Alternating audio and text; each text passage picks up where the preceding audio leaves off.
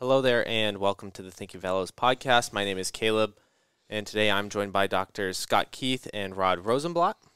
The Thinking Fellows is part of the 1517 podcast network of shows. You can go to 1517.org forward slash podcasts to see everything uh, we do.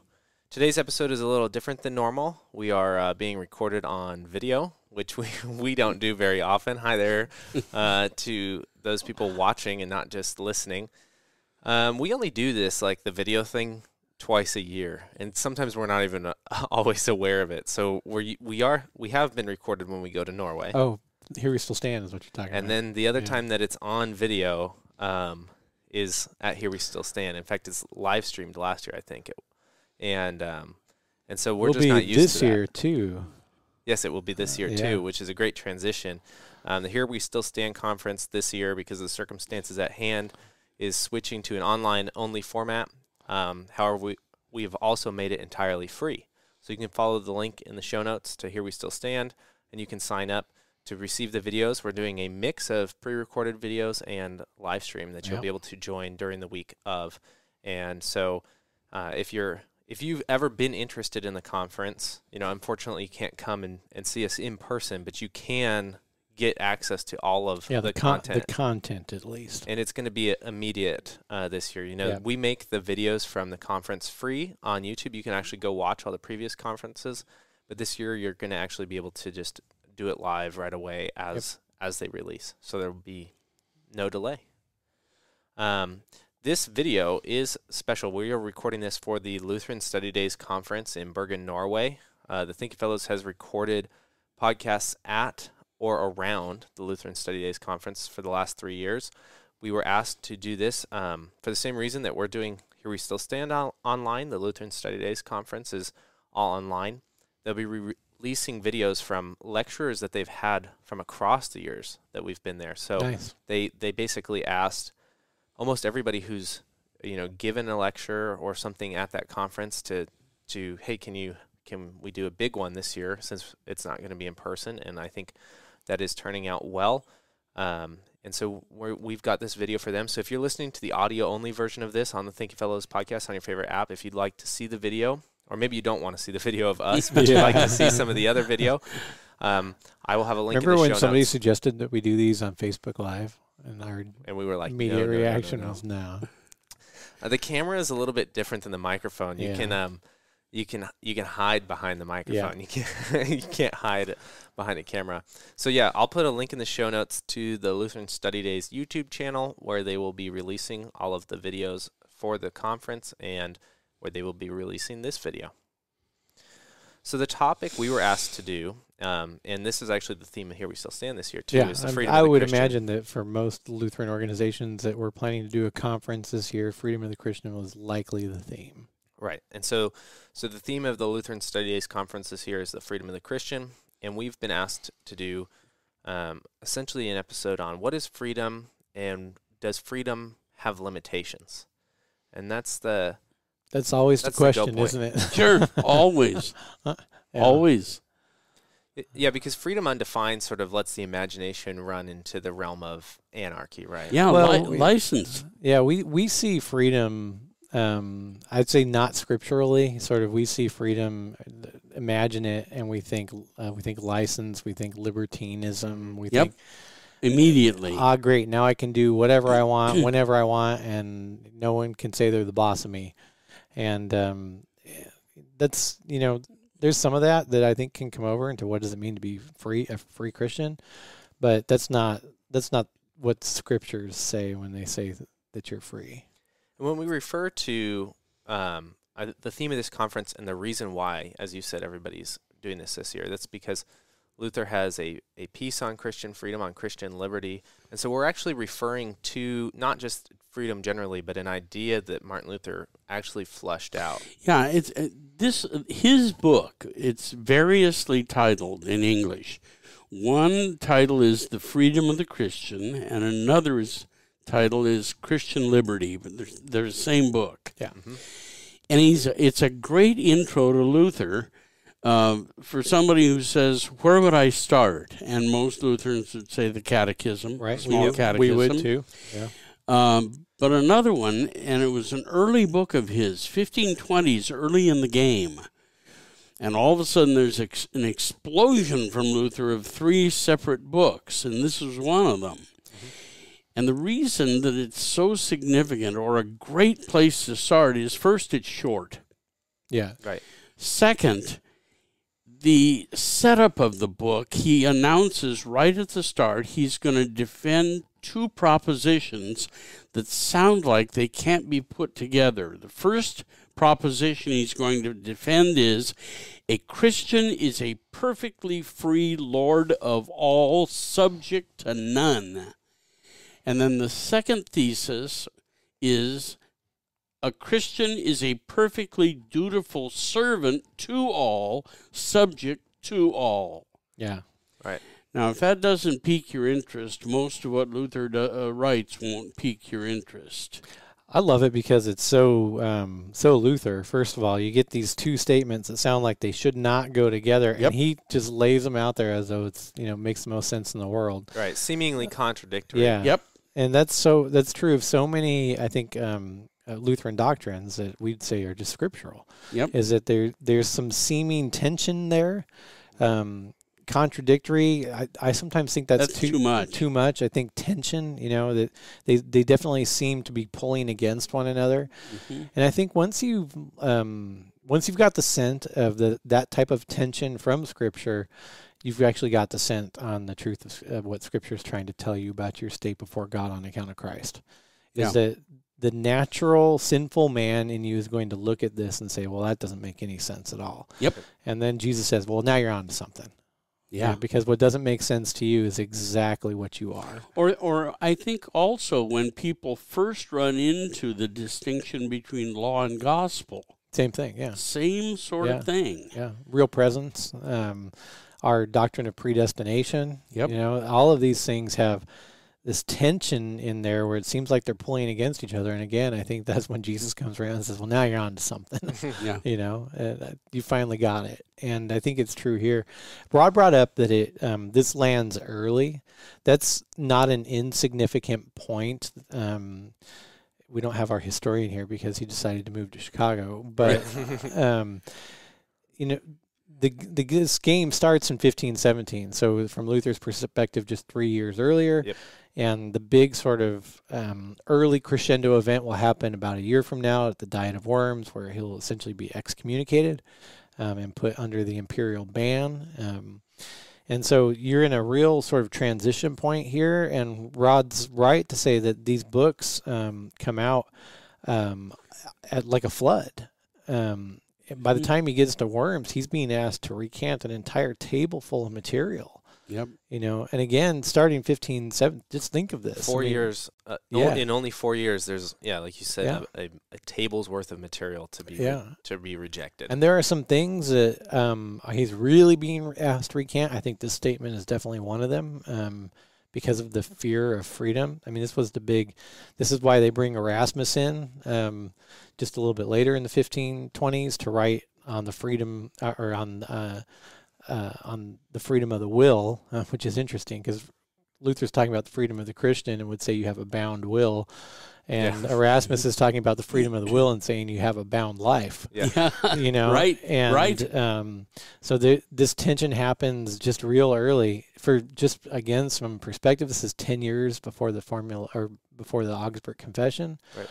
um, this is you know some quarter of a century before luther dies and so this is sort of he'll, he'll have another 26 years of writing and interacting and lecturing and teaching um, after this Yep. And only really three years before this the whole game starts and even at that one of this is one of i think the his um, most seminal and probably m- uh, most read and quoted uh, pieces Uh huh.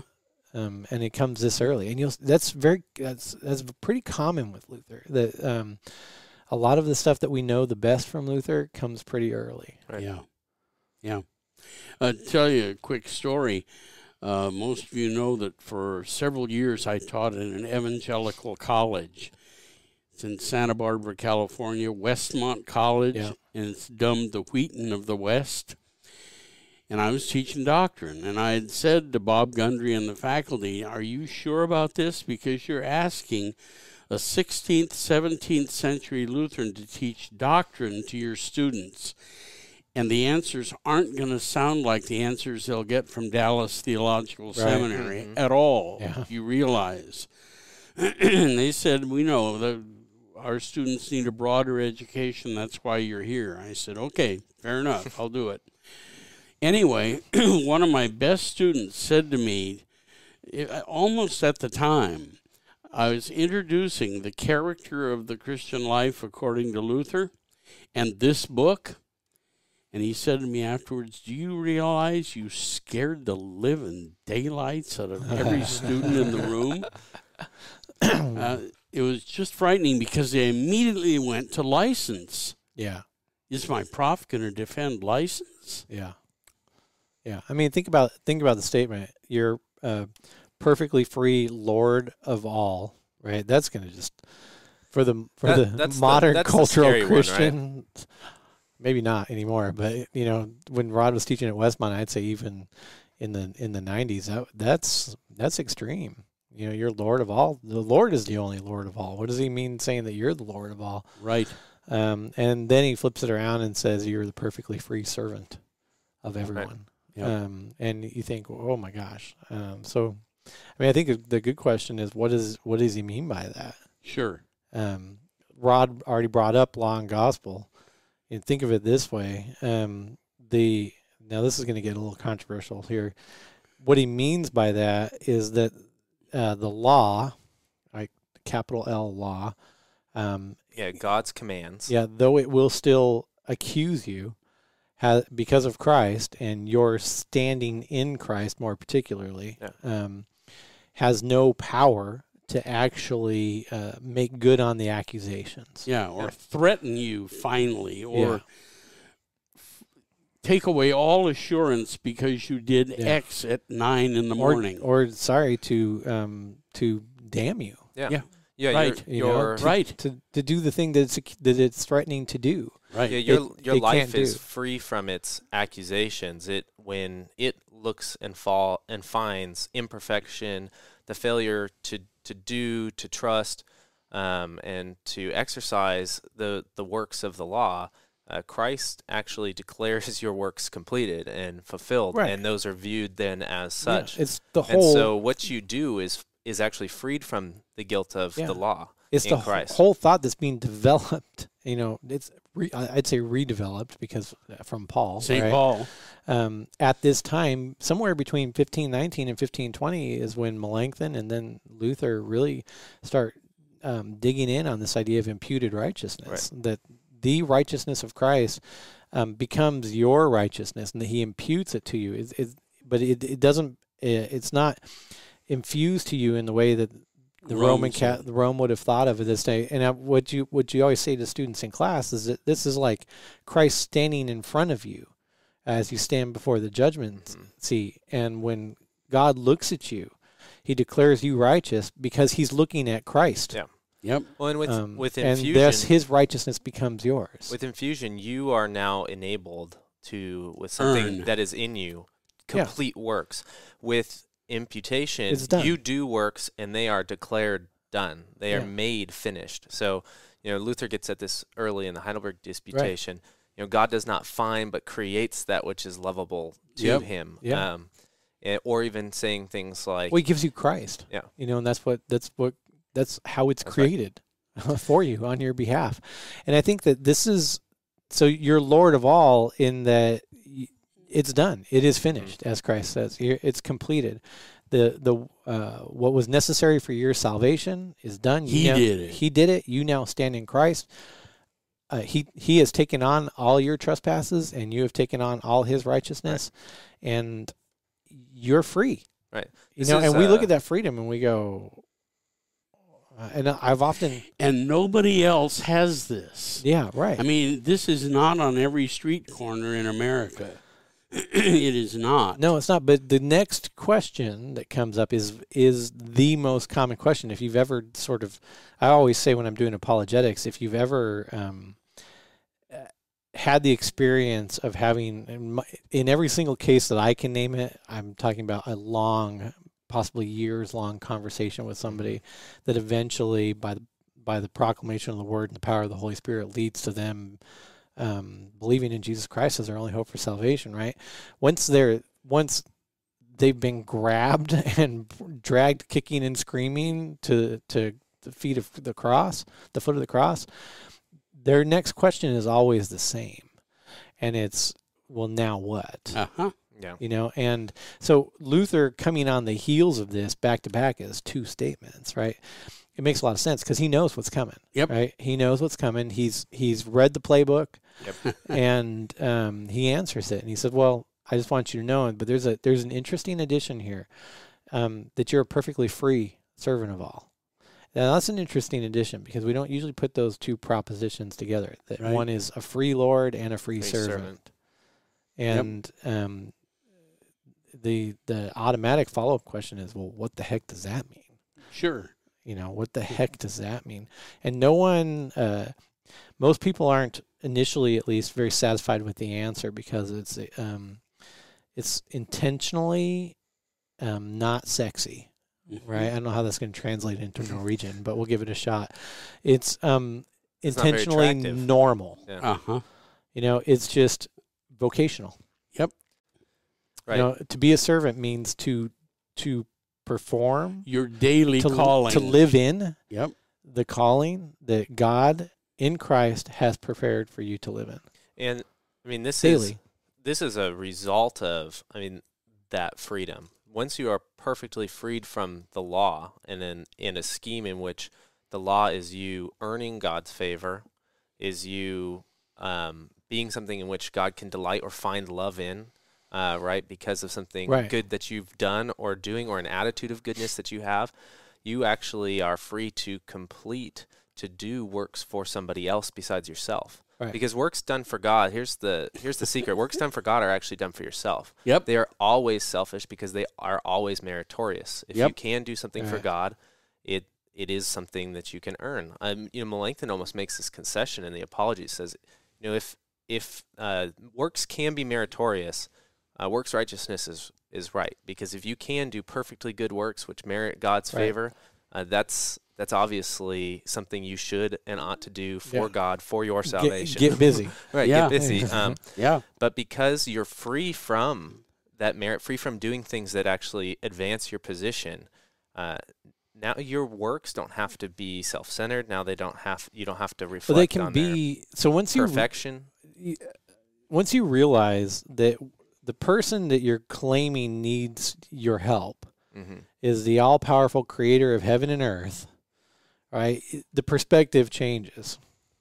I I couldn't do anything to make myself. I couldn't do anything to save myself. Or even improve yourself. Or That's improve limited. myself. Yeah, That's extremely limited. These things, the making, the saving, had to be done to me Yep. from completely outside of me. When, and then once you realize that the that the person who's decided to do that for you has uh, the power and the love to create all heaven and earth, Right. um, essentially for you, right, and for all of us, Mhm. that you can't. There's nothing you can offer Right. there. Yeah. And then God with his He needs nothing he that I've needs got. nothing that I've got. Yeah. And it's it's honestly very arrogant to think that he does or that he might. well, and you know, to say, well, what can I do for the Lord? And the Lord's like, you got to be kidding me. right? what can you do for me? Come on now. But he's got this great sense of humor because he turns it around and says, well, you know, one, now that I've sort of crushed your world and said I don't need squat from you, um, I can turn you around and I can have you look at your life. And as you look at your life, you're going to see fathers and mothers and children and aunts and uncles and grandparents and friends and neighbors and coworkers who all are counting on you mhm. to get up every day Yep. and go through the motions of your everyday life and in so you're serving them in your vocation and guess what because i have made the promise that whenever you do for the least of these that are my brethren you're doing it for me you are serving me Right. but you're serving me by being my little Christs, which is another thing Luther eventually says, Mhm. little Christs in the world.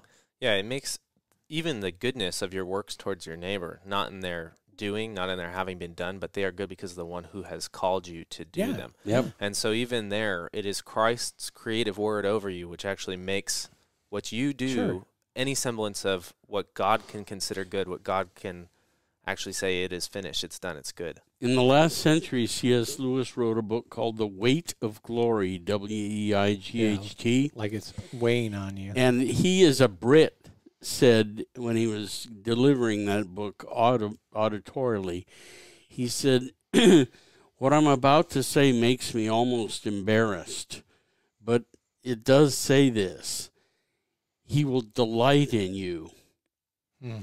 He will take delight in you.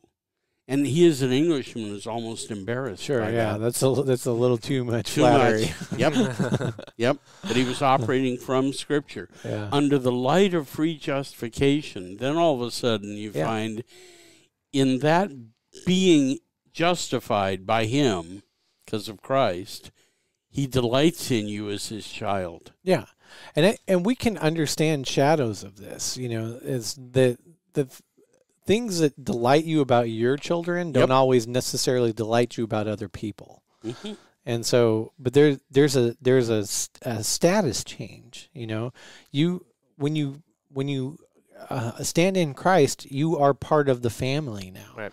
And just because we don't have very high regard for what that means in our century, um, this would have been eminently understandable, I think, in Christ's time, as he's using this this type of language and this type of Im- imagery to say, you know, the we're we're in this together now. I've Yeah. given myself for you and to you, and now our Father delights in you because of me. Yep. Yeah, Yep. this you know, there's a the common one in scripture and even our confessions utilize this is the good tree, bad tree, right? A Yeah. good tree bears good fruit, a bad tree bears bad fruit. Well, you know, the Christian lives a life as simultaneously being bad, not converted over to a new type of goodness, but actually being called good, being considered good on account of the the one good tree, Yep. Christ, that righteousness there. And so that our fruit is born through him Right. um, And is thus good. and is thus good. I'll I'll say to students, and I you've said the same thing. This is the closest to a no credit Christian system that you'll ever find Yeah, when we stick to it. when we stick to it.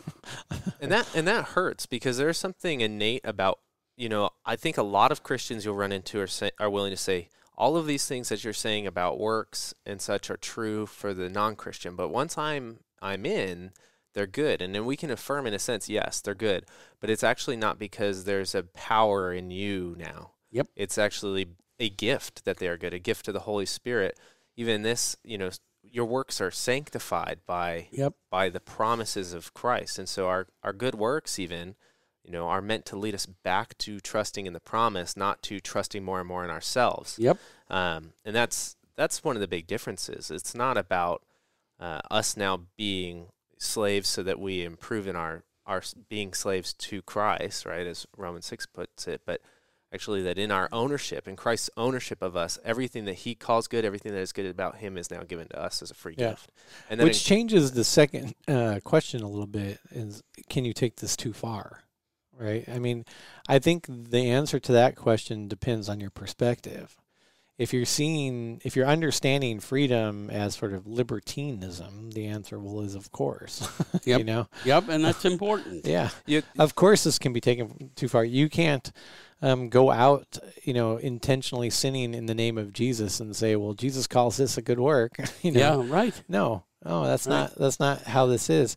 What I- this I am continually amazed at Luther's relaxedness over the question well, will faith in Christ produce good works? Luther wasn't worried about that at all. He tried to say it in 20 different ways. Don't sweat it. yeah, well, and the final answer to that is, is Jesus promises it will. right. You know, and so if if if all we have is the promise, which is what we have, right? If all we have is the promise that on account of Christ we are made adopted as sons, right? If all we have is that promise, then we believe the promise and we believe the promise. And Right. the promise is that this faith will produce good works. And, Mhm. and we and you you know, you do your best to be good with that. Well, and there's a you know there's a definitional shift here where good works means something very specific, and that is something which God considers good, wholly perfect, a work completely done apart from a sinful heart. Um, and then on the other hand, there are things that we could call crimes and deeds that are moral, or the way that Melanchthon puts it, is he'll say works uh, which are outwardly good or toward Yeah. the law or something like that. And we can still absolutely within this scheme affirm that, yeah, there's a difference between a moral thing to do and a crime.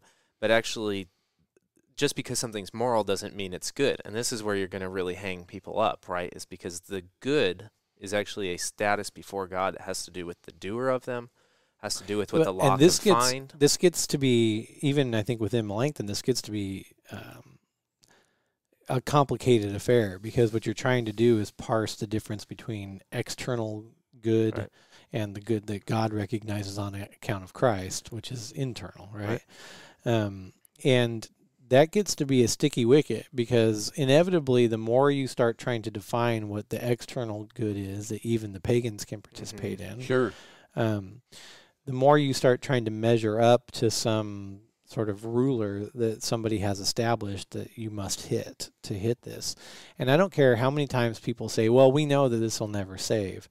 Um, if your life is about measuring these works as compared to somebody else to see if you're measuring up, eventually you're going to start acting as though they do save, even if your mouth professes that you know they don't. This is why this, you know, the statement that really is like key from about 1518 all the way to 1530. You know, Eck at Augsburg brings this up as a, you know, address against Luther and Melanchthon is the affirmation that all my good deeds are sin. Right. And, Yep. And, and Luther Yes. somewhat notoriously uses the most offensive things. He goes, almsgiving done in sin, Yeah. sin. And so, And his point is apart from Christ. right. Yep. you know Yep. and and this is hard um, this is a hard thing to teach in class i think is that you know technically speaking right um, all good works done outside of christ are not good works Yep. They're worthless. yeah and you have to say sort of technically speaking I mean as they relate to stacking up for your salvation Uh huh. you know god doesn't look at those if you're outside of christ and go oh that's one tick in the good pile for Right. scott nine more and he's made it even apart from christ And even Yeah. for the redeem, And we think like that. we think like that we say oh they're good people Yeah. you know and it, well gosh i i have unbelieving friends and I- i think from a perspective Right. i can say they're good people and i They're better than I am. and i Yeah. mean it yeah. but I don't mean it in the technical Christian sense that they stand in Christ, Right. which Yep. is the only way something or someone is good. And again, still here you have to emphasize that it's not an activation, right? Like I that think- being in Christ is an activation that now those it's actually a continued declaration. So even the works of the Christians are tainted by sin Yep. but declared over, which is why Luther describes God using a rusty axe to complete works in this life. We Yeah, are the I- rusty axe. I think one of the best biblical examples of this is the rich young ruler. Yeah, Right. absolutely. I mean, that passage, what must I do to have eternal life? Yeah. And he said, obey all the law. I have. I have. Not only ha- I have this, I have done since From my I was youth. youth. Yeah. Since I was a kid, Yeah. I've done every one I, of those he's like, I never had that rebellious teenage stage. That wasn't me. Yeah. I've done Yeah. this forever. Yeah. You know. Uh, then Christ comes in with the crusher. Yeah. You know, now go sell all that you have and follow me. Right. Give- Yeah, give which is not everything you Give have. up universal. that you have. That was to that guy. Yeah. Well, and uh, we've I think we've said this in the show before that there's a lot going on there. That could mean his possessions. He's a rich he's a rich young ruler. That could mean his haughtiness over this I have done since my youth. His works. He owns the works of the law. He's owning that Yeah. man. He's he's owning those more than he's owning any of his worldly possessions. Right. He's he's telling the Lord of all, "Oh, pff, I got I've your done those. I got your law covered, buddy. What's next?" And the best part is, is that Jesus doesn't say, "No, you, no, you haven't. Repent." He Yeah. gives him the last one, and it's sort of evident of this one is when you hold that the works of the law are doable within you, especially for believers. The rich young ruler is, you know, a practicer of the Jewish faith. You know, for all Obviously, yeah. intents and purposes, a believer, right? And he has this. You can basically do Well, nine of the Ten Commandments, and you can then miss one, or you can have one of them, which is I hate quoting the- hate love the quoting James, but there's that passage in James: "To have failed in one is to have failed in all." think of it this way: What if he hit all ten? I see. I, I take this whole. I don't know how we got on this for this question, but I did it. I take it as i he hit all ten, and Christ doesn't say no, you haven't. That I think Christ's response is important in this passage because if he had hit all, he hit nine and missed all one, Christ could be knowing him, knowing, being able to see his heart, Well, could easily go, no, you haven't. Christ doesn't object to this I have done since my youth. He's like, okay, the point is that will not save you. Right. That's the point. Yeah. The point is the law was never intended to save you. Right. The only Yep. thing that saves is Christ. And if Christ saves, nothing else does. And so Christ says, You're missing the only thing that matters, and that's relying on me and me alone as your only hope for salvation. And this is what the man could not do. well, this is Not just because of his riches and his worldliness, but because of his ownership Yeah. of having fulfilled the law since he was young. yeah. Well, that's that, the reason I called it nine is I would call that ownership a violation of the first commandment. Oh, sure. Jesus, Jesus actually calls him to the first commandment. Sure. Follow. That's a bit of Give a up all you pharisaical follow me. response, but I'll go Yeah. with it. Um, but the thing, here's the thing: is that um, this is what you're free from. Yeah, Yeah, Yeah. absolutely. right, Yes. right. Yep. That's uh yeah, that's the totality of of Christian freedom. And I'd say taking it too far would be owning to you know once you've realized that um, the answer to the what can I do is life in your vocation is holding on to even that too much as meritorious. Yeah, Yeah. I mean, taking this too far is always going to be something that you ascribe as meritorious to your salvation. I think that's how you take this too far. You can take it too far by libertinism, but I'm much less afraid of somebody doing that than I am by somebody taking this. The uh, I'd say maybe uh, the lordship aspect or even the servanthood aspect of it, and saying, "Look at look at what I've done." We've we've seen that a lot, right? We even see that um like with things with the theology of the cross, right? Or some of the the too far is to make myself suffer, right? To make myself a servant. There's a whole movement within the idea of the theology of the cross that sees it merely as um, suffering. Right. That the cross is suffering, and so I'm and thus suffer. the life of the Christian is suffering. Yeah. Now this, you know, in circumstance, some circumstances this might be true, Right. right? But that doesn't make even if it's true in your circumstance that your life as a Christian is suffering. That suffering is not meritorious on its own. right, Right. Right. That's the key thing. Yeah. Uh, Luther many times tells his story as a monk. He said, "I wasn't a bad one. I was a good It was one." too good. yeah, Yeah. and it was a problem. He says the same thing as Paul. Yeah, Pa- Luther essentially says, "I was the monk's monk," as Paul is saying, "I was the Jew's Jew." Yeah. yeah, yeah. Doesn't work. No, that's the problem. here. you know, so you can take. That's my point. Is you can take vocation and you can make that meritorious. You can take the theology of a cross, and Mhm. Here's here's at the end of the day, the thing to guard against, if there's anything to guard against, is that we are excellent theologians of glory. Yeah. Yep. And we will always turn any of these great statements that Yep. have all this tension that are meant the tension's meant to keep us in check and to keep our our And build theologians of out of it. glory and, and build a system out of it and somehow get some credit. Right. Yep. Because that's what we're interested. So are are we worried about somebody taking Luther statements and going to license and sinning too much? Yeah, maybe a little. What I'm more worried about is them sort of taking it and owning it so much that their their ownership of it, of the purity of it, of Mhm. the suffering of it, of the the servanthood of it, and making it meritorious, and somehow that creeping in and getting in, in the way of them relying on Christ alone. Yep. Yeah, I think that's exactly right. I think of Luther's almost last words were beggars, every single Mm-hmm. one of us. Yeah. I like Melanchthon's almost last words. Lord, save me from the ravagings of the theologians. Yeah. yeah, yeah. because this is what the theologians do, right? They take these statements and they build systems out of it. And as part of building the system, Or re- or like, you know, um It's not- fanatic rejections of it's them not as well. pure enough. It's Right. not holy enough. It's not suffering enough. It It's doesn't not emphasize- serving yeah, enough. it the- doesn't emphasize this enough. Mhm. You know, And you know, you find instead of we're all beggars. Yeah.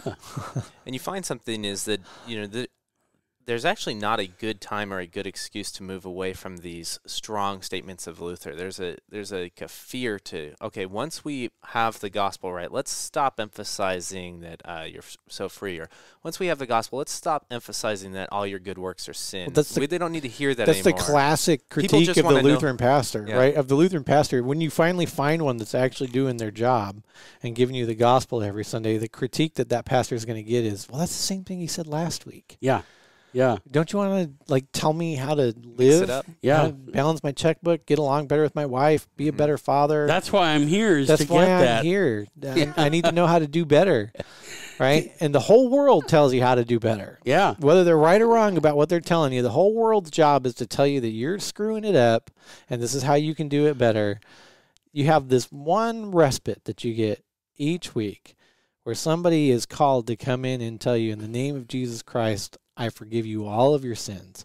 And I tell you that you are an adopted heir on because of this Christ Right. that is yours. In a, in a bass backwards way, Ted put out a T-shirt one time with "Weak on Sanctification," which was a shot at Wesley and Yeah. Christian perfection, and people just about had a fit. Oh yeah, Lutherans had a fit about it.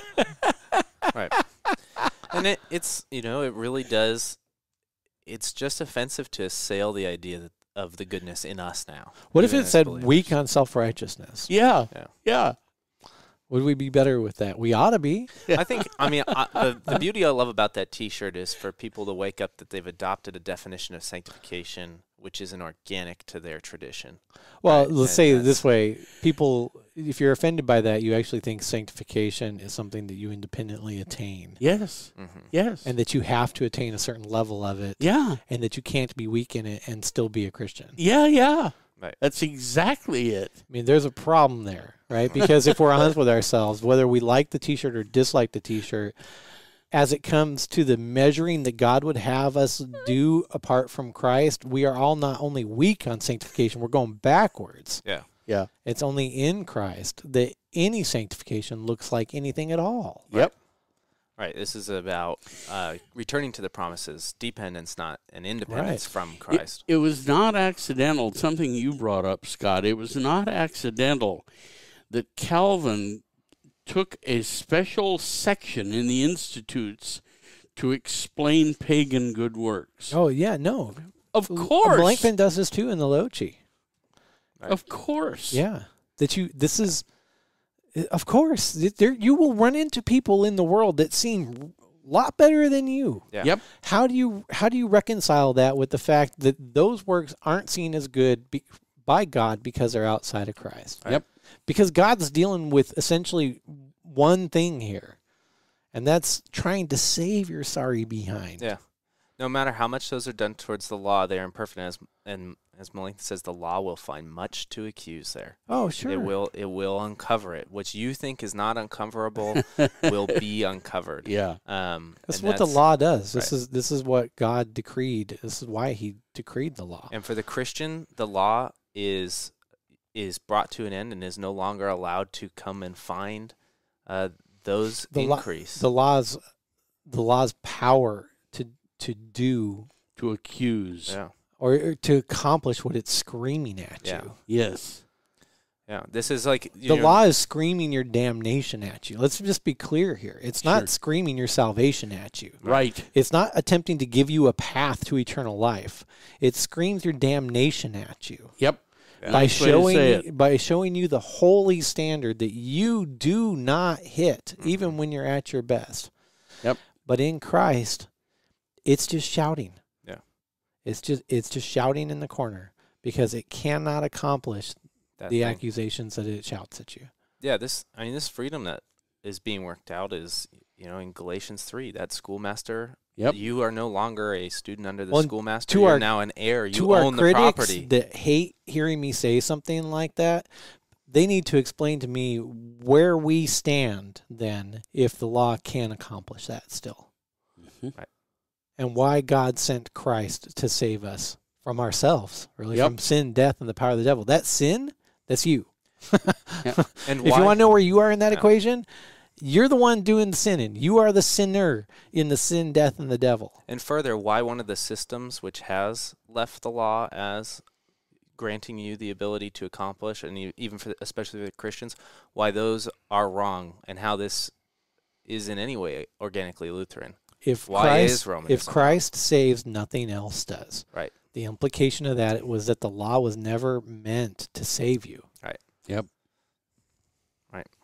Yeah, it was a it was a schoolmaster until you became an heir. If Christ saves, then you are a free Lord. Right. If Christ saves, then you are a free servant. hmm Yep. Amen. Thank God that He does, right? Yep. Well, this was a great episode of the show. Um, if you're listening or you're watching on the YouTube channel for Lutheran Study Days, and maybe this is your first time encountering the Thinking Fellows, you can go to 1517.org forward slash Thinking Fellows to see our whole, whole catalog. And if you would like to explore or listen to the show more, the best way to do that is to subscribe on your favorite podcasting app. There's links in the show notes to support 1517 and our ongoing podcast efforts with monetary donations. And um, I'll have an open link to the Lutheran Study Days YouTube channel so that you can see not just our video, but all of the lectures that they're providing during this time. Thanks for listening to this episode. We'll catch you next time. Bye. Bye.